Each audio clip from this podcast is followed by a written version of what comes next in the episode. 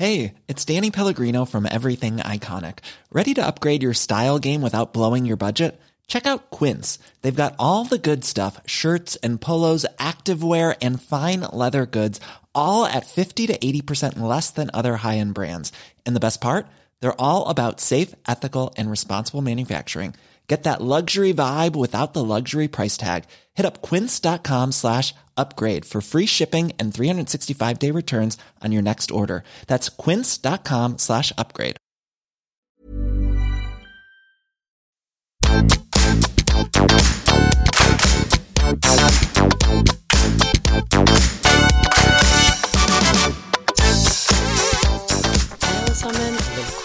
Til podkasten Karriereveiledning med Elaine. I ukens episode har jeg med meg selveste Gisle Helsten, leder ved Karrieresenteret ved UiO. Og vi svarer på masse spørsmål som har kommet inn via Q&A på Instagram. Her er det noe for alle og enhver. Enten du opplever litt stress i relasjon til nærmeste leder, er gravid og lurer på om når du skal si ifra, om du er leder og kanskje vurderer å tiltre en annen stilling som ikke handler om ledelse, og mye, mye, mye mer. Vi håper virkelig at du får nytte av denne episoden, så enjoy, my friends! Hallo, alle sammen. Og nå er ingen ringere enn selveste herr Gisle Helsten gjest igjen. Hallo, Gisle. Hallo, hallo. Tusen takk for at jeg får lov til å komme tilbake. Det er jo helt eh, nydelig. Vi har eh, ganske mye spennende å snakke om i dag. Jeg gjorde en Q&A på Instagram, kom inn over 100 spørsmål, og nå har jeg plukka ut noen av de, for vi kan jo ikke ta 100 spørsmål. Så tanken er at vi skal gjøre så godt vi kan med vår samla bakgrunn, erfaring, kompetanse og refleksjoner uten å påberope oss å være eksperter. I hvert fall forsøke å svare så godt det lar seg gjøre. La oss Ok. prøve på det. Yes. Da starter vi med første. Jeg er utdannet innenfor samfunnsvitenskap, og jeg sliter med å finne meg jobb. Nå har jeg vært arbeidsledig i halvannet år, eller arbeidsledig. Jeg jobber på butikk, men kunne tenke meg å bruke utdanningen min til noe. Hjelp! Ikke et uh, veldig uvanlig spørsmål. Uh, samfunnsvitenskap er jo et ganske stor tematikk. Da, så det første jeg vil eh, anbefale, det er rett og slett å finne noen som kjenner egen fagbakgrunn, og så begynne å, å snu litt på det. Eh, ikke nødvendigvis se hvor du kan jobbe hen, men prøve å se mer på hva har du lyst til å jobbe med, hva kan du bidra til. Eh, Hva er dine styrker, og hva har du lyst til å ha som tematikk i neste jobb? Mm. Jeg tror du er inne på noe viktig der. Altså, og spesielt eh, så slo det meg nå altså dette med kompetansevridning. For selv om man kanskje har, utdannet seg innenfor samfunnsvitenskap, og da er man i butikk, så er det noe med å trene på å kunne vri sin egen kompetanse til å kanskje kunne passe arenaer eller bedrifter eller et arbeidsmarked som man kanskje ikke har tenkt på. Men da må man jo vite at de stedene finnes. Eller så må man gjøre som du sier, ta litt ansvar og begynne å sjekke ut hva som er der, basert på hva man vil. Det er rett og slett det du tenker er lurt.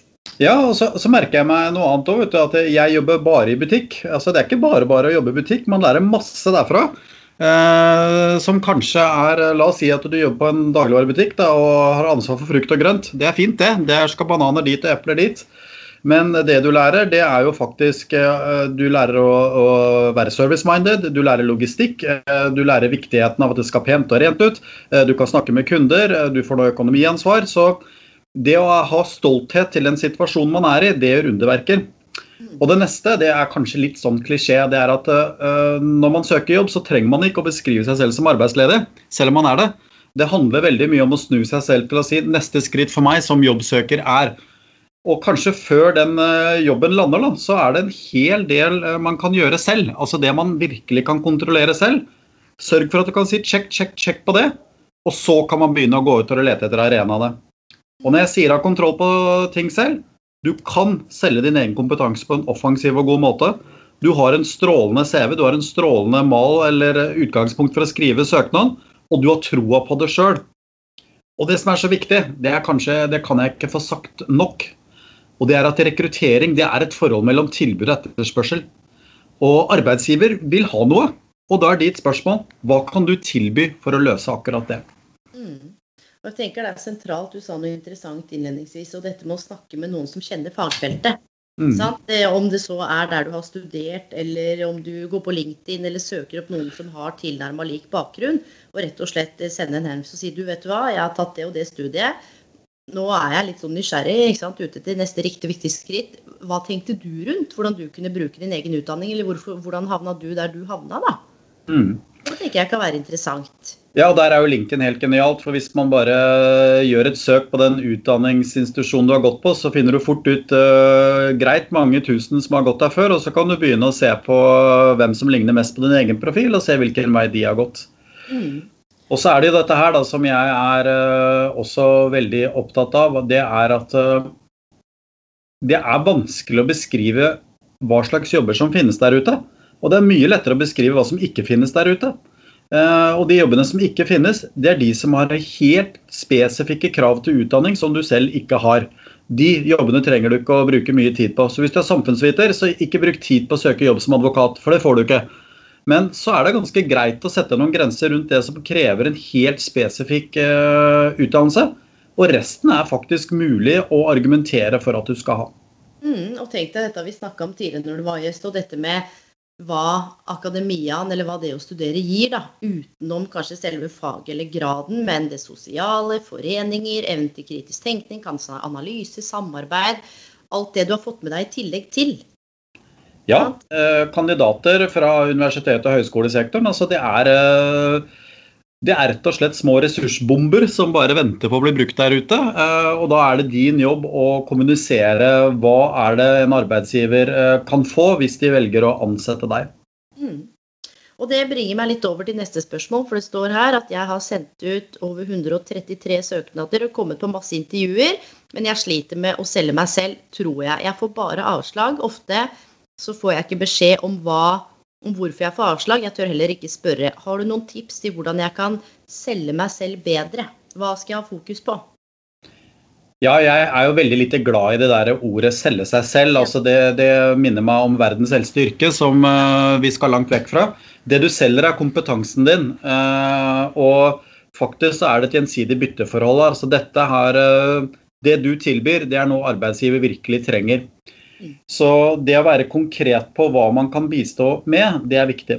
Men, men jeg tror man skal ta det veldig på alvor, dette med intervjusituasjonen. Altså det, det, er ingen tvil om at det er en situasjon som passer uh, i utgangspunktet bedre uh, for noen enn andre. Uh, og det kan være vanskelig og kleint å prate positivt om seg selv. Og der har jeg et veldig godt tips. og det er rett og slett ta utgangspunkt i CV-en din. Og så tar du tak i hvert enkelt element du har der, og så ser du med helt konkrete øyne på hva er det jeg kan bruke av eksempler som jeg har jobbet med her. Litt tilbake til eh, butikkarbeid med grønnsaksdisken med epler og bananer. Men hva var det du egentlig gjorde? Hvordan kan du sette ord på hva du egentlig fikk eh, erfaring med der? Og så kommer det viktigste. Hva slags ferdigheter fikk du når du gjorde dette, og hva kan du ta med deg inn i framtiden? Mm. Og det tror jeg er så viktig, for du sa det er jo ikke bare butikk. Det er det ene. Og det andre er at du har altså vedkommende også valgt å fylle tiden sin med noe. Ja. Selv om det kanskje ikke var drømmejobben, så sier det litt om at man eh, er villig til å bidra, har lyst til å være en del av noe. Og istedenfor å kanskje sitte hjemme, nå kan det være at noen gjør det og, og det kan være ulike grunner til det, så det skal vi på en måte ikke si noen ting om. Men her er det i hvert fall en som har valgt å være i arbeid, selv om det oppleves som lite relevant. Så står mm. du allikevel i det og gjør tydeligvis en god jobb, for vedkommende er jo der enda. Ja. Sant? Og også det, sier jo også noe om, om vedkommende, syns jeg, da. Ja, og dette med intervjuet er jo også Det er mye myter knyttet til det. Det er liksom uh, de som prater høyest og, og, tydeligst, det er de som på en måte vinner. Det er feil. Uh, det arbeidsgiver uh, ser etter, det er faktisk å rett og slett klare å få et tydelig bilde av hvem du er. Hva du kan bidra med. Og nøkkelordet for meg, det, det handler om å være konkret. Og det handler om å bruke eksempler, slik at jeg husker deg når du går ut. Eksemplene du gir, skal være så konkrete at jeg husker det. Og det kan du si på en lavmælt måte. Du kan si det ganske høyt. Du kan si det med mye gestikulering. Det er mange måter å gjøre det på, men hovedinntrykket skal være arbeidsgiver husket hvem jeg var fordi jeg var så konkret i svarene mine. Eksempler, eksempler, eksempler. Og så tror jeg det igjen, Du er inne på noe viktig. Da, for at det, det, er litt sånn i samfunnet, vi, vi har vært innom dette litt før, at man tenker gjerne at de som er utadvendte eller er flinke til å by på seg sjøl, er de som lykkes i intervjuer. Så tenker jeg det fins jo rekrutterere som er innadvendte, ekstroverte intro... Altså, du har jo hele spekteret av mennesker som rekrutterer også. Og jeg tror hvis man trener på å stole på seg sjøl og bare lene seg på Ja, kanskje man er litt mer lavmælt, kanskje man er litt mer tilbakeholden, at det også er mye styrke i det. Jeg tror idet man går i et intervju og skal late som du veit man skal være noen andre, da er det noe med den der inkongruensen. altså Man mister litt det der samsvaret mellom ordene du sier og kroppsspråket ditt, som, som jeg opplever er ganske sentralt. da. Helt enig. Og så har jeg to hemmeligheter jeg har lyst til å dele med deg. Det ene er Tenk deg hva slags verden det ville vært da uh, hvis det var mange sånne som meg og deg rundt et møtebord. Det ble ganske støy, støyete og bråkete. Vi må ha blanding. Og til alle de som er introverte, uh, eller trives best med å kanskje ikke være den som skriker høyest eller tar mest plass, over halvparten av oss er sånn. De fleste liker å få energi når det er ro, når det er muligheter å jobbe. Så det at de introverte kanskje ikke har en like tydelig plass sånn i eh, dagligtalen, så skal jeg love deg, det er ganske mange arbeidsgivere der som ikke ønsker seg flere mennesker som prater høyt på innpust og på utpust hele tiden. Så det er en plass, men finn din form. Men vis hvorfor introvertegenskapene dine er en styrke, og ikke vær flau over dem. Bruk det heller som en styrke. Nydelig. Eh, det har kommet inn et annet spørsmål, og da står det Hei, hørte på podkasten din hvor du snakket om dette, for jeg trodde jeg ville bytte jobb, og du snakket om dette med hva, hva som var hva. Jeg har skjønt at jeg elsker arbeidsoppgavene, jeg har skjønt at jeg elsker kollegaene, men det jeg har store problemer med, det er min nærmeste leder. Mm. Hvordan kan jeg gå fram? Ja, Der er det jo to veier til mål, eller kanskje opptil flere også. Men en av dem er å, å, på en måte, hvis du er glad i eh, jobben din, kollegaene dine, arbeidsoppgavene, og så alt er på plass, så kan det jo faktisk være en anledning til å ta det opp med en, lederen din i en medarbeidersamtale, hvis du tror det er uh, håp for å kunne endre kurs, og at uh, kanskje lederen ikke engang er klar over at uh, han eller hun ble oppfattet slik. Så ofte kan små grep løse store ting.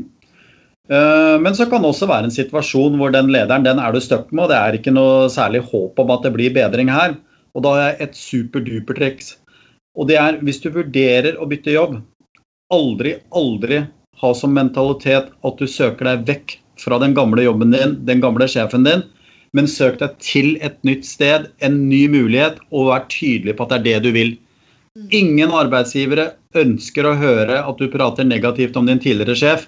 For det, da tror man fort at det er du som er den vanskelige parten, og ikke sjefen din. Mm.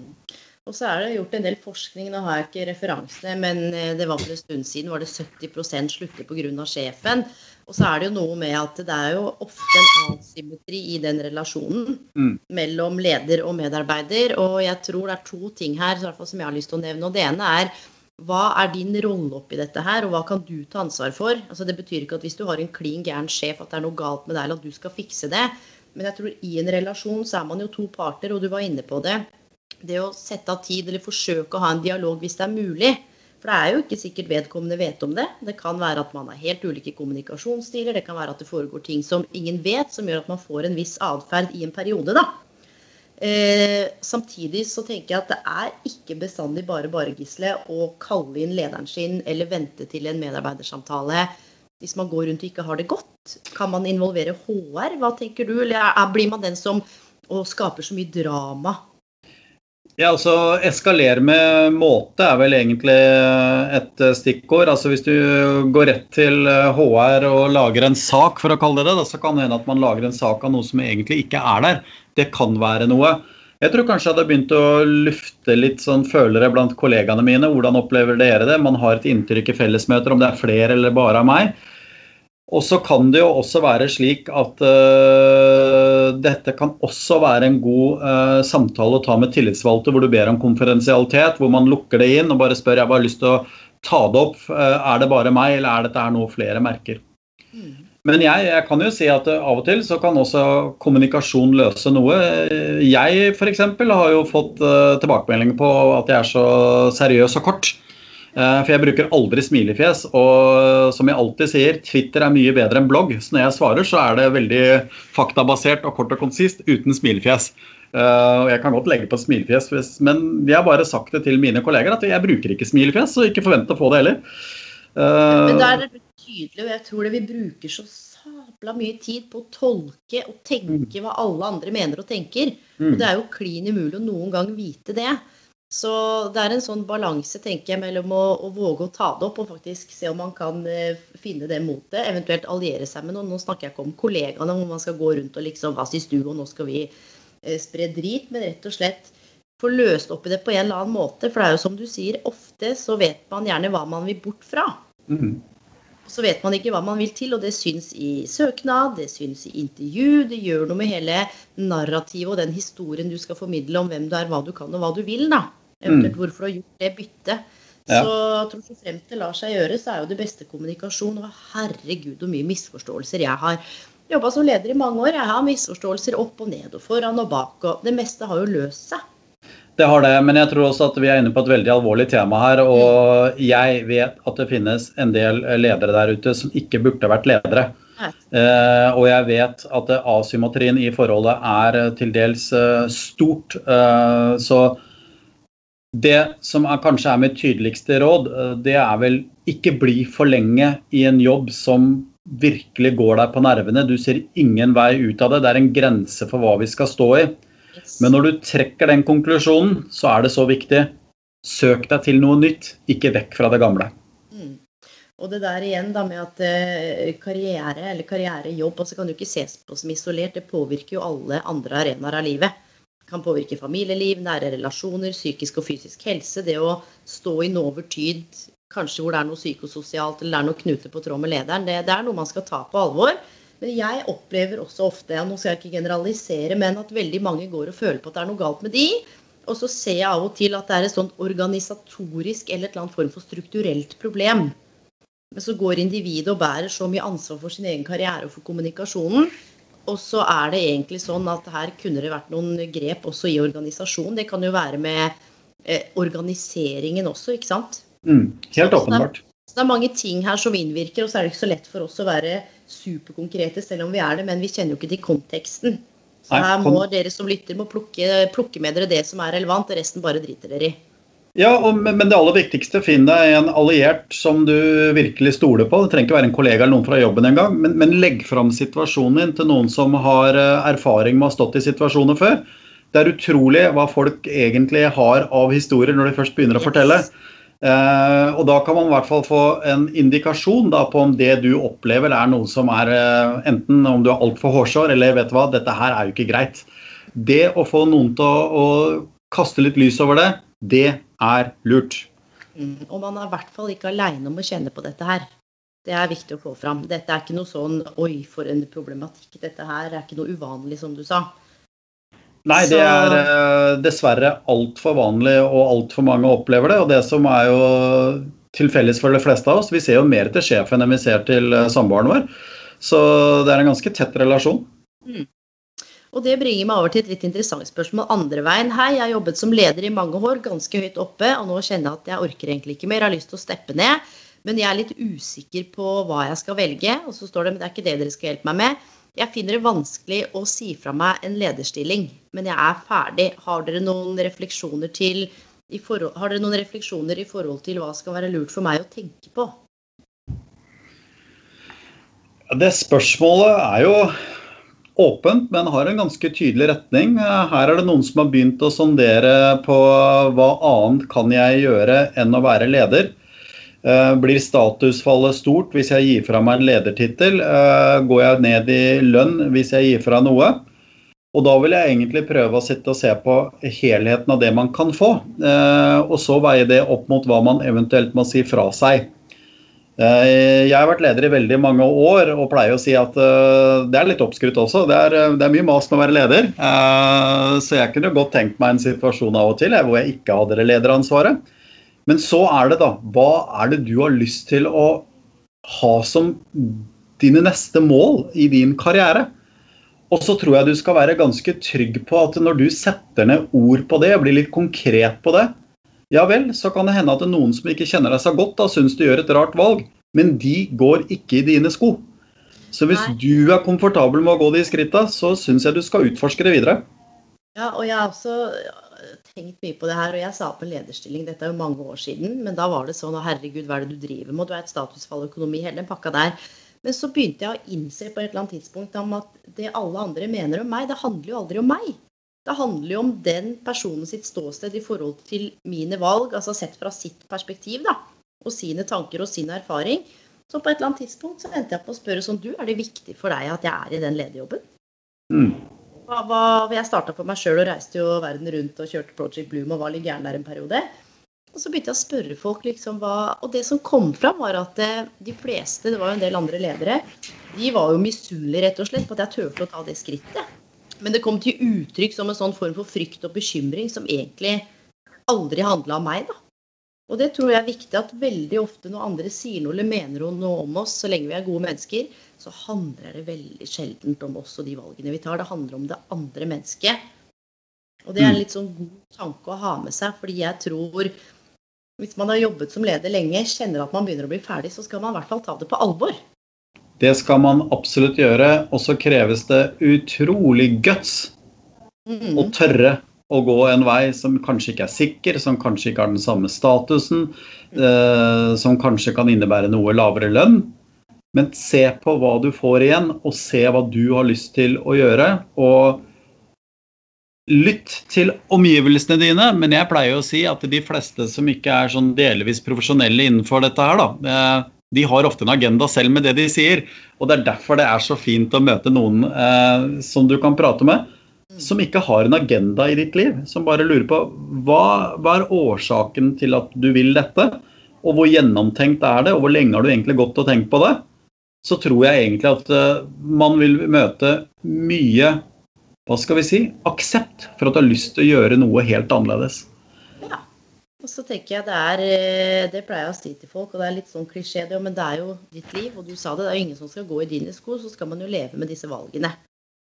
Sant? Og karriere er jo en viktig del av livet. Og jeg har møtt mange. Jeg husker jeg jobba både som karriereveileder og fagansvarlig leder og avdelingsleder, og da var det en del ekstremt dyktige karriereveiledere på 50-60 år som hadde forlatt toppdirektørstillinger, gjort et verdivalg og ville jobbe mer på gulvet med folk.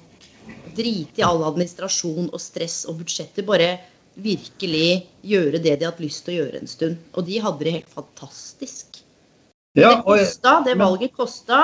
Man måtte kanskje gi fra seg seilbåten, man måtte kanskje bruke litt mindre penger, men det var det verdt sånn overall livskvalitet, da.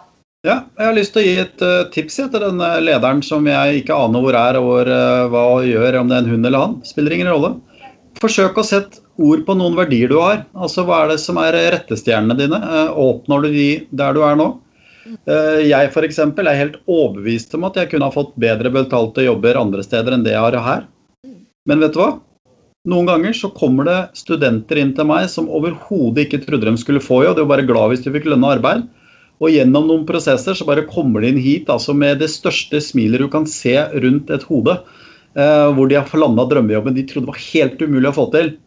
Uh, Jeg blir ikke rik av det, uh, men det gir meg mye på verdisida å se vet hva, jeg har faktisk gjort en forskjell for noe. Det, det, det syns jeg er ufattelig givende.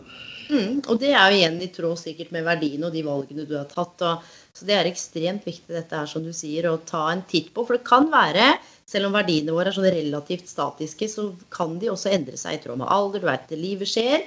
Um, og jeg hadde en kar som vi jobbet med sånn verdilisitering, sånn oppgave innenfor verdier. Han har vært leder. Plutselig hadde han lojalitet på topp. Ja. Fordi han hadde opplevd noe illojalitet i jobb, og dette her var helt nytt for han, og det var med på å påvirke retningen videre. Så det å stoppe opp, sette av litt tid til å kjenne etter, og rett og slett eh, vite at eh, man får ta neste riktig og viktig skritt, da. Det går jo ikke an å planlegge, det går jo ikke an å si at du kommer til å havne der hvis du bare gjør sånn. Hvem er det som veit det? Ja? Heldigvis ingen. Og det ville vært Nei. veldig kjedelig da, hvis det skulle være sånn. Det blir litt sånn der puslespill, og det driver vi ikke med. Jeg syns det var veldig klokt, jeg. Ja. Og Gisle, nå skal vi over til noe litt annet. Hei, jeg har vært og fått veiledning. Um, og så står det Og jeg hadde lyst til å starte for meg selv og bli YouTuber. Så står det Men den veilederen syns ikke det var så lurt. Hva tenker dere? Ja, først og fremst så vil jeg si at det er ingen veileder som har verken rett eller mulighet eller skal fortelle deg hva som er lurt og ulurt. Altså det, det er Sånn skal det jo ikke være. Det veilederen skal gjøre, er å stille deg noen spørsmål om eh, OK, fint, hvordan har du tenkt til å få til det? Eh, hva er din plan, hvordan skal du gå fram? Hva er ditt konsept? Eh, sparre litt rundt det. Og så må man begynne å lage da en forretningsplan, hvordan du eventuelt skal gå til. Jeg syns jo det å være YouTuber Jeg skjønner godt at mange har lyst til å bli det, men det er også noen ting med det å være YouTuber man skal tenke over. Eh, jeg har ingen idé om hvor gammel denne innsenderen er, men det er neppe over 70, eh, vil jeg anta. Nei, nei, nei. Og Det betyr jo at uh, YouTubing det, det, er, uh, det, er, på en måte sosiale mediers olympiske leker. altså. Uh, noen få lykkes veldig godt med det og får en life ut av det. Og mange lykkes ikke så godt. Så det å lande en sånn inntektsgivende arbeid med en gang kan være krevende.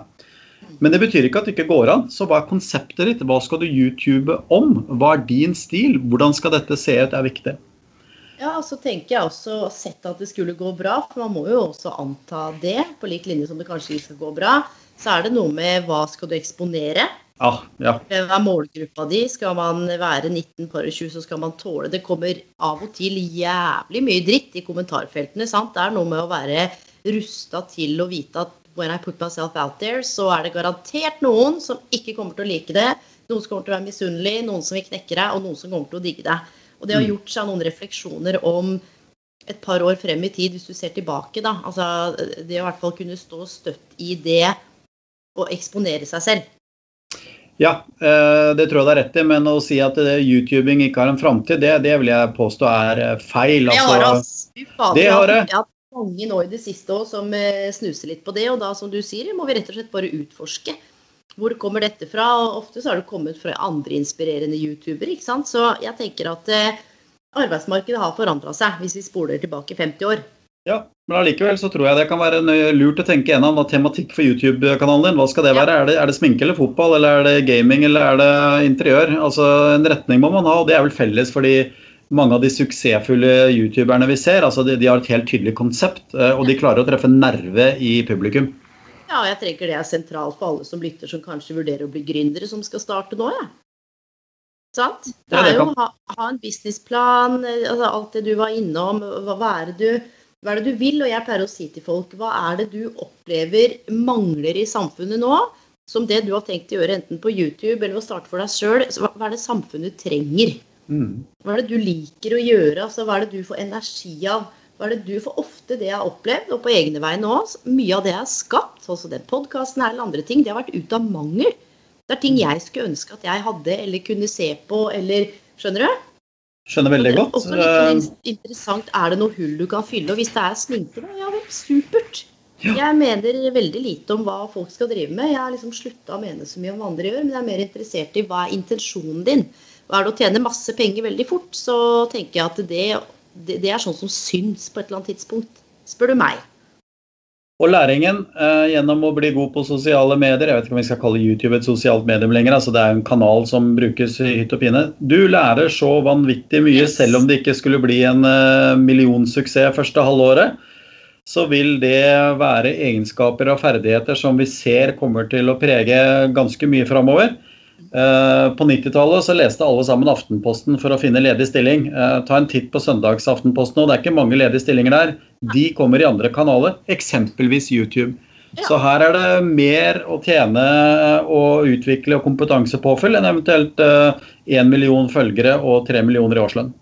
Ja, og så tenker jeg, Skulle du holde på med det et par år, som du sier, alle de ferdighetene, ja, hva har det overføringsverdi til? da, Hvis du på et eller annet tidspunkt vil legge ned masse bedrifter som trenger kanalstrategier, som har behov for hjelp med sosiale medier, YouTube. Det blir jo mer og mer vanlig blant store og små bedrifter også.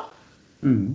Ja, så jeg tenker eh, litt sånn som Gisle, altså sett ord på alle de spørsmålene. altså Gjør deg en grundig mening uten at du nødvendigvis trenger å ha en plan for de neste ti åra. Men eh, YouTube-stjerne, fotballstjerne. Altså, jeg tenker at det meste kan være mulig, så lenge man er villig til å legge inn eh, smart arbeid og innsats. Da. Ja, også, Jeg driver jo og ser på litt YouTube, jeg òg, og jeg skal ikke legge skjul på at eh, det er en viss fyr som heter Arnold Schwarzenegger, som jeg har litt sansen for. Han er eh, faktisk ganske mye på YouTube. Og han har sagt mye rart og mye snodig, og, men av og til noen uh, veldig gode ting som jeg reflekterte over. Og blant annet så han brukte seg og sin egen historie, da, som er faktisk ganske annerledes at han ble Hollywood-stjerne. Men det han har sagt gjennom hele sin oppvekst og hele sin uh, uh, vei mot å bli så berømt som han blitt, så har han møtt det han kaller for naysayers. Folk som sier 'det klarer du ikke', 'det går ikke', 'du får det ikke til'. Og hans råd er ikke bare Der er han veldig tydelig. Ikke på at du skal ignorere dem, men du skal være veldig tydelig på å spille, stille spørsmål. Hvorfor sier du at jeg ikke kommer til å lykkes? Hvorfor sier du at det er mulig? Hva vet du om det? For da klarer man i hvert fall å ta bort sunn kritikk med de som egentlig bare sier nei, for de skulle egentlig ønsket at de var like vellykkede som da Arnold til syvende og sist ble. Mm. Og det her tenker jeg også, Vi var inne på dette her i forrige episode når du var med, hvor det var snakk om på en måte familie og venner som skulle mene så mye om karrierevalg og hva man skulle gjøre. Det der kan jo også være interessant å dra med det inn der. da. Absolutt. Hva er det som gjør at du mener at det å bli advokat er riktig for meg? Eller hva er det som gjør at du mener at det, eller tenker at det er riktig? Så får man også kanskje til en, en god dialog rundt det. det og så er det noe med mer enn at man kanskje ikke tar det som kritikk, men dette her skal jeg stå for at 99% av alle de som kommer med råd, eller, så er intensjonene ofte gode. Mm. Men det er ikke så lett å se det ofte når vi opplever at noen er uenig med oss. da. Ja. Så det syns jeg var helt uh, nydelig. Gisle, her har vi en som er litt interessant. Jeg svarte på ett et spørsmål i, uh, på Instagram, men det ble jo så jævla lang story, så jeg kjente at må bare, vi må bare ta det her. Um, det jeg svarte på, var at hun var gravid uh, i uke seks, og den er grei, men det har kommet inn en annen en. Jeg er i en jobb, og nå er jeg gravid i da, gravid to og en halv måned. Når bør jeg fortelle arbeidsgiver, for det kommer jo til å synes etter hvert, og har arbeidsgiver rett til å vite at jeg er gravid? Jeg er i fast jobb. Men når, når er det man må fortelle dette her? Først og fremst til uh, den kommende mor, gratulerer. Det er uh, flott med graviditet, og det er flott med barn. Og det tror jeg de fleste norske arbeidsgiver uh, er helt enig med meg på. Og så skal jeg være litt forsiktig her, eh, Elaine, fordi jeg, jeg, er ikke jurist, og jeg kan ikke den norske lovboka. Eh, så der må vi lese opp. Så vi må ta det med en liten klype salt, det jeg sier. Ja, arbeidsgiver har rett til å vite at du er gravid på et tidspunkt. Og det handler om muligheten for å kunne planlegge for vikariatet og arbeidsoppgavene som naturligvis vil løpe når du går ut i permisjon. Eh, jeg er ikke helt sikker på når den datoen er, men der er det noe som skal informeres om til arbeidsgiver, slik at de får planlegge. Den er ikke på to og en halv måned, eh, den er mye seinere enn det. Eh, jeg skal forsøke meg på en gjetting, eh, for jeg mener at det er seks måneder er en dato som man skal være litt obs på. Men der tar jeg all mulig forbehold på at det kan være feil. Men fordi det, det, som var med hun som var gravid, som jeg svarte på på storyen, hun var også jobbsøker og lurte på om hun måtte si noen ting. Og det må hun ikke. ikke Nei, de har ikke rett til å vite det. Og dette her skal jeg bare gjenta her. Ikke, de kan ikke spørre om du røyker, snuser, om du er homofil eller lesbisk, eller om du venter barn eller planlegger barn. De kan ikke spørre om personlig økonomi, kanskje med mindre det er noen sånn helt sinnssyke sikkerhetsklareringer da, eller et eller annet sånn veldig spesielt. Og det trenger du ikke svare på i det hele tatt. Og jeg har møtt så mange folk som har fått så utrolig mye kjipe intervjuspørsmål. Mm som er helt borte i natta. Det er sånn, Hva er personnummeret ditt og personlig økonomien din? Ja, planlegger du barn? Du er jo en jente i din beste alder. Mm. Eh, røyker du? ikke sant? Eh, hva slags partner har du? Og det er bare no go. Mm. Skal jeg komme med en kjempestor av avsløring, eller? Mm. Gutter får også barn. De gjør det, altså. Uh, så dette er ikke bare en kvinneproblematikk lenger. Men, de men det du tar opp det spørsmålet, og det er det, ikke sant? det, det provoserer meg. Oh. Der kan du se. Ja. Uh, men uh, for å bli litt seriøs her altså jeg, jeg, er jo grenseløs godtroende, det vet du jo, så jeg, jeg tror jo at de fleste norske arbeidsgivere er skikkelige og at de ikke gjør det. Men hvis de begynner å stille spørsmål som er helt åpenbart ulovlige, så er det et veldig signal da, som du må snappe opp når du er i intervjusituasjonen. Yes. Det er å si, Hva slags butikk er dette her? Har du ikke fått med seg norske lover? Kan det virkelig tillates å oppføre seg sånn? Og så kommer Jeg tror bare trøbbelet er at når man endelig kanskje for noen har kommet til det intervjuet, så er det igjen den asymmetrien da, i den relasjonen mellom den som intervjuer den som skal på intervju, at man bare føler seg litt sånn pressa til å svare. Ja, og, det, eh, og det, der har vi en jobb å gjøre. Ass. Der har vi en jobb å gjøre. Og det som Det finnes ikke noe enkelt svar på hva man skal gjøre. Uh, hvis man får det spørsmålet over bordet, som er på en måte det eneste rare spørsmålet man får, resten virker veldig bra, du har kjempelyst, så går det an å si I uh, uh, hvert fall med familieplanlegging, så går det an å si Nei, jeg Det var et spørsmål som jeg ikke så komme. Hvordan er det relevant? Hvordan ja, er det relevant for denne stillingen? Ja, og det er jo noe som både gjelder gutter og menn i alle aldre. Så det med familieplanlegging, det, det, er vel ikke en helt naturlig del å ta inn i denne samtalen. Hvis man er så tøff. Men jeg, men jeg skjønner det. altså Hvis du får den bardus over bordet, at det oppleves som uh, litt uh, Hva skal vi si? Ja, man blir helt satt ut. Og hva skal man da svare? Man er redd å fremstå som teit eller dum eller ikke få jobben da, hvis man ikke svarer. Og, og det her er sånn, det her provoserer meg jeg kjenner det nå sånn langt inni sjela. Ja, men ofte er, det, ofte er, det, flere intervjuere til stede. og Da går det an å vende blikket mot de andre og si er det familieplanlegging du stiller spørsmål om tilbake? Altså sånn åpent å poengtere det. For da vil kanskje noen av de andre snappe opp at eh, kollegaen var helt utafor her og si nei, nei, nei, se bort ifra det. Så et åpent spørsmål for å reflektere rundt var det det du stilte spørsmål om. Hvis de da fortsetter å insistere, så er det, da er det dobbelt uh, rart. Og så tenker jeg også tilbake til vi snakka om hun som er gravid. På et eller annet tidspunkt så vil det jo synes. Ja. Og så er det noe med å ikke sant? Du vet jo at det er folk som spontanaborterer. Det er noen som er redde for å si noen ting før det har gått tre måneder. ikke sant? Pluss, pluss, ja, ja. pluss. Og jeg tenker at eh, sjekk opp den eh, loven, og så finner man en eller annen løsning på det. Men det, man skal i hvert fall ikke skamme seg eller grue seg for å formidle dette her. For det er det også en del som jeg har snakka med som gjør, som er egentlig veldig glade, men så gruer man seg for å fortelle lederen eller bedriften at man faktisk er gravid. Og noen har jo, som jeg snakka med, har jo prøvd i flere år. Endelig. Og så skal det bli en sånn Shit, hvordan kommer de til å reagere? Ja, og så tror jeg at uh, veldig mange ledere er som meg, da, for å bruke meg eksempel. Er at uh, dette er ikke noe sjokk for oss at uh, en enten kvinne eller mann i staben skal ha barn. Og det jeg tenker umiddelbart da, det er nummer én yeah, så kult, gratulerer. Det blir bra. Og nummer to, den kommer ganske fort opp i hodet mitt. Da må jeg begynne å tenke for vikariat i perioden du skal være borte. Mm. Og så tenker jeg at mange bedrifter er såpass heldige nå at det er stor mulighet til å finne gode folk med masse kompetanse. Og det er aldri den gravides ansvar. altså Med mindre man eh, sitter i ledelsen og har lyst til å være med på det eller har lyst til å ta del i opplæringa, så står det nok av folk ofte i kø for å få seg en jobb. Så er det om å få det der unna skuldrene at å shit, nå skal jeg ut, og så hva hvis Overlat det til bedriften og ta vare på deg og babyen og gjør jobben din. Blir du sykemeldt, så blir du det. Får du jobbet ut 50 du skal ha permisjon, så gjør du det. Rett og slett. Ja, bra. Yes. Du, To korte spørsmål igjen. og Det ene er jeg står midt i en skilsmisse, har det drittøft hjemme. og Det betyr naturligvis at jeg faktisk ikke presterer like godt på jobb, sliter med å gjøre arbeidsoppgavene. Vet ikke helt hvem jeg skal snakke med eller hva jeg skal gjøre. Er det noe jeg bør fortelle leder om? Situasjonsavhengige svar. Vi var jo litt tilbake til spørsmål én eller to du hadde i dag, hvor det var dårlig forhold til lederen din. Så skjønner jeg at det er vanskelig. Men øh, jeg kan avsløre nok en hemmelighet i denne poden her, og det er at øh, vi som er ledere, vi er også mennesker med emosjoner, og vi er mennesker som forstår at øh, noen ganger så er livet vanskelig. Så jeg tror at hvis døra til sjefen din er noenlunde åpen, så tror jeg du kan få utrolig mye eh, forståelse for situasjonen. Man kan eh, prate om prioriteringer og hva som skal eh, ha mest fokus. Og eventuelt så kan det til og med være snakk om at du kan få bistand fra arbeidsgiver på mange ulike måter.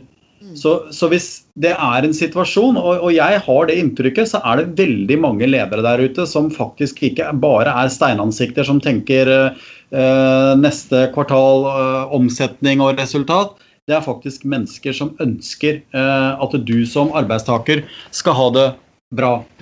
Og litt sånn kynisk, da, det, så kan jeg jo si det sånn. En happy arbeidstaker produserer bedre enn en som ikke er happy, så det er i min interesse også å bistå deg. Eh, så det er den andre siden av det. Så jeg, jeg tror det kan være lurt, hvis du har en god relasjon til sjefen din, si fra. For du, send, du merker det, du klarer ikke å skjule på jobben heller. Jeg merker det ganske fort når noe ikke er bra. Mm. Og jeg tror akkurat det det er igjen kontekstavhengig. Dårlig relasjon, kanskje litt tøffere. Men på et eller annet tidspunkt så vil det gå utover kanskje prestasjon på arbeid, søvn, du vet alle disse tingene her. Og jeg har tro på at det er bedre å få satt ord på det. Hvis ikke så kan det jo være at lederen begynner å tolke, eller kollegaene lurer på hva som er gærent. og så så, så lenge, og jeg pleier å si at Man trenger jo ikke hvelve ut alt. Du trenger ikke skru på krana og hvelve ut hele historien. ikke sant? At hun var ute, og så skjedde det, og så gjorde jeg sånn. og så Forstår du hva jeg mener? Men si at vet du hva, går jeg gjennom en tøff periode nå, står midt i en skilsmisse. Eh, har det ikke kjempegodt. altså, hva, hva, tenker du vi kan gjøre? Er det noen mulighet for å få noe støtte? da? Ja. Som et åpent spørsmål. Det kan være to setninger, det tar 20 sekunder. Men bare få satt ord på det for sin egen del. Da opplever jeg ofte at man får roa ned seg sjøl også. Så slipper man å ha alle disse eh, historiene i hodet om hva tenker sjefen, og tenk hvis de merker det, hva skal jeg si, og det derre ubehaget knytta til det. Ja, det tror jeg er riktig, og jeg tror uh, en god rettesnor for en uh, leder jeg tror, jeg tror, ganske mange er sånn. altså de det er et skille mellom det personlige og det private. Altså, det er et skille med at jeg har deg noen timer i døgnet og trenger å vite litt om hvordan du har det privatlivet ditt. Men som du sier, jeg trenger ikke å vite alle historiene og hvem eh, partneren har vært utro med og hvor lenge det har pågått osv. Stopp, stopp, stopp. Jeg trenger å vite situasjonen, og jeg trenger å vite at du nå trenger kanskje litt ekstra Eh, støtte, oppfølging og tilrettelegging, det er vi med på. Så tror jeg man egentlig skal spare de juicy detaljene til eh, andre mennesker enn lederen din. Jeg er helt enig. Eh, og det siste, aller siste spørsmålet det er som følgende. Jeg jobber i en bedrift, trives kjempebra. Det eneste er at jeg ønsker å utvikle meg innad i bedriften, men nå er det ikke noen muligheter. Det er ikke noen ledige stillinger ute, det kommer ikke noen stillinger på en stund. Hva skal jeg gjøre? Ja, dette er jo en eh, drømmesituasjon da, for enhver bedrift. At du har eh, boblende medarbeidere som eh, har lyst til å gi jernet. igjen tilbake til den dialogen du har med sjefen din. Altså, noen ganger så får du ikke det svaret du ønsker deg, men det kan hende at det er en mellomting. og det er jeg alltid opptatt av. Det er nesten alltid flere alternativer enn A og B. Eh, hvis det ikke er noen muligheter nå, eh, så vet ikke man hva som skjer rundt neste sving. Vi prata nettopp om graviditet. Det kan hende at det kommer et, en permisjon eh, fra noen av kollegaene dine. Kanskje det kan åpne opp seg noe. Men hvis du med dialog med din sjef finner ut av hva du strekker deg mot, så er spørsmålet hva slags kompetanse trenger du for å komme deg dit? Og så skjønner jo sjefen ganske tidlig at hm, her er det en dame eller mann som begynner å etterpåfylle med kompetanse. Her er det noe som kommer til å vokse. Nå må jeg faktisk ta meg litt sammen for å beholde den personen. For ellers så kommer konkurrentene mine til å snappe opp. Mm. Så det er ikke sikkert at alt skjer rundt neste sving. Eh, men det er vel tilhører sjeldenheten at arbeidsgivere syns det er dumt at medarbeiderne får mer til kompetanse og viser motivasjon, glød og ønske for å bidra mer inn i butikken. Ja, og det er det jeg tenker. Og en ting som er kanskje viktig å reflektere over da, og du var inne på det, hva er det du egentlig vil? For å gå inn og si du, jeg vil bare ha lederstilling, eller jeg vil utvikle meg, eller ja, hva konkret er det du ser for deg? Og da tenker jeg sånn, hvis du stiller deg selv det spørsmålet her, hvor er det bedriften er på vei? Hva er det jeg opplever er kanskje bedriftens utfordringer inn i fremtiden? Hvordan kan jeg være en ressursperson eller en nøkkelperson og være med på å løse de utfordringene? Hvilke fremtidige kompetanse? Kanskje de skal opp og gå på YouTube? eller altså, Hva enn det nå skulle være, så er det noe med hvert fall gjort seg noen klare tanker, så man ikke bare buser inn der og sier Hei, jeg er keen på et eller annet. Ikke sant? Jeg vil ha. Men det derre hva kan du bidra med? Og rett og slett tenke hva skal til. da. Så du går inn der med en eller annen agenda eller en form for løs plan, men i hvert fall har gjort deg noen tanker, sikkert du lemper alt det over på lederen din. For det kan jo komme litt bardus på? Det kommer veldig bardus på. og der har Jeg jeg kjenner at jeg kom med noen tips i dag. Det, det er jeg veldig fornøyd med. Ja, så bra. Gå inn til sjefen din og gi noe. Ikke forvent at du skal ta noe, for det blir bare nok en masende element. Å nei, nok en medarbeider som ikke er fornøyd. Hun vil, han vil, bla, bla, bla. Jeg må gjøre noe. Nei, da er det veldig mye bedre å gå inn og gi noe tilbake. Du, jeg har en idé og en plan, hva syns du om denne? Jeg gjør sånn og sånn og sånn og sånn, så vet jeg at nå er det kanskje ikke mulighetene, men jeg ønsker å kvalifisere meg. Det kommer ikke du til å merke så mye til hvis jeg får gjøre sånn og sånn, men jeg kan gi deg mer kompetanse, så ser vi litt hvor veien går hen. Mm. Så hvis du går inn med en sånn attitude at jeg ønsker å gi noe tilbake, selvfølgelig skal jeg få, men det er en stor forskjell mellom gi og ta og gi og få. Så, og det er en mentalitet som jeg tror mange ledere setter pris på. Her er det motiverte medarbeidere som ønsker å kvalifisere, slik at de kan gi bedriften noe mer på et annet nivå på et senere tidspunkt. Mm. Nydelig, Gisle. Da har vi vært gjennom de spørsmålene vi hadde tid til i dag. Det ligger en del spørsmål til, så vi får sikkert kjøre en del to, tenker jeg, hvis du er med på det. Det er du, vet du. Jeg syns vi skal kjøre opp mot del 233, for dette her er noe av det mest interessante jeg gjør. Det er å jevnlig kunne møte lytterne dine. Det er å jevnlig kunne svare på spørsmål de har. Eh, og det er jo også et tips da, eh, framtidige spørsmål du får, jo mer konkrete de kan være i tipsene, det trenger ikke være sånn kjempekonkrete. Eh, ikke f.eks. hva er karakterkravet for å komme inn på medisin, for det kan man bare google seg fram til. Men da får vi jeg og du spara litt, uh, vi også. Og det er jo kjempehyggelig å spare med deg. vet du. Du er jo vi, Dette går jo helt supert. Ja, og så tenker jeg det er noe med at vi har litt ulike innfallsvinkler. Vi jobber litt forskjellig. Vi jobber liksom tverrsektorielt. Altså, vi gjør det. Du har jo karrieresenter ved Universitetet i Oslo. Jeg har jo privatpraksis, kommer fra en arbeidsmarkedsbedrift. Altså, vi, vi har litt ulike innfallsvinkler og kan kanskje utfylle hverandre mer enn at jeg skulle bare sitte oppi mitt eget hode. For jeg tenker at mye av det vi har snakka om i dag, er det mange som lurer på, og det ligger en del spørsmål der til. Eh, nå skal vi ikke ta flere spørsmål i dag, men jeg lurer på hva Er det noe sånn ett eller to spørsmål før vi forlater denne podkasten som du opplever går igjen, som du bare kjenner at den her, den er viktig å adressere? Hva, hva er det du får mest spørsmål om, liksom? Det er noen varianter av samme tematikk, men det er en, ofte en usikkerhet på hva egentlig dette arbeidslivet er. Og det handler mye om hvor kan jeg bruke kompetansen min? Det er veldig vanlige spørsmål. Mm. Og det andre er en utfordring knyttet til det vi var inne på i stad, å selge kompetansen sin. Og Ikke selge seg selv, men selge kompetansen sin. Rett og slett å være, ha et godt vokabular på å forklare noen andre hva du kan. Og Hvis man da tar utgangspunkt i hva rekruttering er, eh, og det er jeg veldig opptatt av, det er et forhold mellom tilbud og etterspørsel, så må du være veldig god til å si med konkrete ord og med god forståelse hva ditt tilbud til arbeidsgiver består av, slik at de kan ta stilling til det. Og det andre er jo da dette her hvor passer min utdanning til å, eh, finne sin jobb? Så sier jeg det er et veldig stort spørsmål. Hva er det du egentlig vil? Hva kan du egentlig tenke deg å jobbe med? Og så tror jeg det lønner seg å bli konkret. For jeg møter uh, av ti studenter har lyst til å jobbe med mennesker. Så sier jeg OK, mm. finnes det noen jobber hvor vi ikke jobber med mennesker? Uh, så det, det, har noe med det å gjøre. Uh, og jeg vil ikke selge. OK, hva slags jobber er det man ikke selger i? Det er ikke alltid det er en pengetransaksjon imellom, men hvor er det man ikke selger? Eh, det er veldig mange stillinger hvor man selger. Bare spør forskerne, de som sitter og nå skal løse koronakrisen. En stor del av deres dag handler om å skaffe founding for å kunne fortsette arbeidet. Eh, så salg på en eller annen måte, det, det ligger der. Eh, og det handler om at du skal da få noen til å anvende det produktet eller den tjenesten du er i ferd med å, å levere. da. Mm. Så en forståelse av arbeidslivet. Og så tror jeg man skal være veldig tydelig på du er faktisk ettertrakta.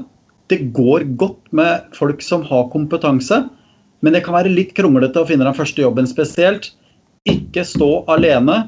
Bruk menneskene rundt deg. Ikke krev at de skal gi deg noe, men bruk dem som sparingspartnere. Gisle, vi skal avslutte med de nydelige ordene der. Og så vil jeg bare takke deg for at du nok en gang var gjest på podkasten. Du er en eh, ettertraktet type. Folk liker at eh, vi har episoder sammen, så vi får eh, kjøre kanskje del to og del tre. Ja, men Da får jeg bare slå den rett tilbake og si at du er en ettertraktet dame. Det, dame, det veit jeg, for det, det, er ikke lett å få tak i deg. Du er busy hele tiden. Men jeg syns det er utrolig givende å få lov til å prate med deg. Og så er du herlig frekk og utfordrer meg også, da. Det liker jeg veldig godt. Ja, men vet du hva, og det tenker jeg når vi sitter sånn som nå, hvis vi skal bare sitte og nikke og ja og Vi hadde jo en episode hvor du var uenig med noe av det jeg sa, og det, jeg liker det. Det får meg til å tenke. Og det er liksom det jeg ønsker òg, at for lytterne Vi veit jo ikke alt, vi, men at de skal få seg kanskje, kanskje en inspirasjon, en tanke, en refleksjon som propolerer de kanskje i en eller annen retning. Eh, eller et eller annet de kan gripe, da. Og at vi kanskje får roa ned litt av bekymringen og at folk står aleine. Fordi de spørsmålene her, jeg kan garantere deg at dette er ikke noe uvanlig spørsmål. Nei. Og da kan jeg også lyst til å si til lytterne at uh, den dynamikken jeg og du har nå, uh, det er en dynamikk de kan forvente å få i samtale med en veileder. Fordi hvis noen tror at de podkastene jeg og du lager sammen er veldig regisserte, at du har sendt meg alle spørsmålene på forhånd det er satt opp i hele... Ikke noe av disse spørsmålene, du. Nei, du ringte meg klokka Når jeg lå en eller annen eh, melding på LinkedIn og spurte om jeg kunne klokka 11 i dag. Så jeg det I kan jeg. jeg. I Ja. går var det. Så kommer kollegaene mine og spør hva vi skal prate om. Da sier jeg aner ikke hva hun har i dag. Så, så, så hva skal vi si? Lite regissert er dette. Dette kommer fra hjerterota både fra fru Blum og herr Helsten. Det kan vi være helt trygge på. Mm, og det her er jo, som du sier, typisk eksempel i litt andre rammer på en veiledning hvor man går inn og rett og slett setter ord på, og så skal du treffe et menneske i andre enden som klarer å stå i og på en måte embrace den du er, og de tankene og refleksjonene du har. Og så tenker jeg en annen ting, at Det vi ikke har kompetanse på, hvis det kommer inn noen spørsmål som jeg kjenner at jeg ikke har kompetanse på, eller du, så har vi liksom muligheten til å si det. For det er ikke alle ting som jeg kjenner bare åh, det veit jeg, eller det kan kanskje være sånn. Det er noen ting som jeg kan synes være utfordrende å ta i, rett og slett fordi jeg mangler utdannelse, erfaring eller kompetanse i det. Og det å kunne tørre å stå i det òg, da. Ja, og det kommer tydelig fram i dag rundt jussen og graviditet. Ja. Vi prøver ikke å leke mer eksperter enn det vi er, og der må folk sjekke opp. Men Gisle, nå skal jeg eh, slippe deg, så tusen takk igjen. Og er det noe dere lurer på, mine venner, så kan dere bare sende en melding, Instagram, Facebook, sende en mail. Og så Gisle, hvor er det vi kan eh, finne ut av mer om deg? Eh, Meg finner du best på Karrieresenteret ved Universitetet i Oslo. Det ligger både som en internettadresse, det ligger på UiO sine sider. Så har vi en dødskul eh, eh, Insta-konto som man gjerne må bruke. Eh, og så har jeg lyst til å bare slå et lite slag det for alle de som hører på. Det kommer nå en digital karriereuke. Den begynner nå den 21. Vet du hva, folkens? Over 50 filmer fra YouTube som bedriften har laga. 30 bedriftspresentasjoner. Temasnakke om ulike elementer som er viktige i arbeidslivet. Og så kan jeg fortelle dere en hemmelighet. Eh, Det er jo ikke bare Elaine som ringer meg, jeg ringer også Elaine av og til. Og hvis noen av dere har lyst til å se hvordan eh, Elaine eh, veileder rektor på Universitetet i Oslo, så er det bare å kjøre på. Det ligger om ikke så lenge på våre sider. Så det blir jo spennende. Var det gøy? Det, ja, du, det var interessant å være på Universitetet i Oslo på rektors kontor. Altså, jeg har ikke vært innkalt på rektors kontor siden jeg var 13 år og bølla på ungdomsskolen. Hadde NG i orden og oppførsel, for jeg var så forbanna. Eh, så da havna jeg hos rektor, men han likte meg, for jeg var jo også elevrådsleder, så det der gikk jo smooth. Men eh, aldri ålreit å liksom bli kalt inn på rektors kontor. Men denne gangen her så var det ordentlig artig å få lov til å gjøre karriereveiledning med både selveste rektor og prorektor. Jeg kan melde om eh, tårer og latter og ganske spennende og interessante refleksjoner, altså. Og hva slags utdanning har prorektor? Å, herregud. Hun har en eh, var det doktorgrad i fransk eh, dikt fra 1500-tallet eller noe sånt. nå. Det, det var jo helt vilt. Men da er det helt naturlig at du blir rektor, er det ikke det? Franske dikt og rektor. Skjønner folkens? Det- Og vi snakker nettopp om hvordan hun har connecta the dots, da, og hvordan det her på en måte har eh, ja, løfta henne fram til dit hun er. Så ja, jeg gleder meg og gruer meg litt, Gisle. Men du, nå må vi si ha det. Vi snakkes om ikke så lenge.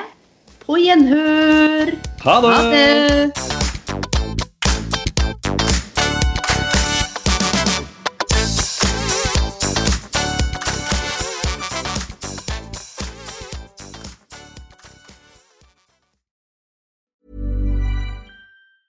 Hey, it's Danny Pellegrino from Everything Iconic.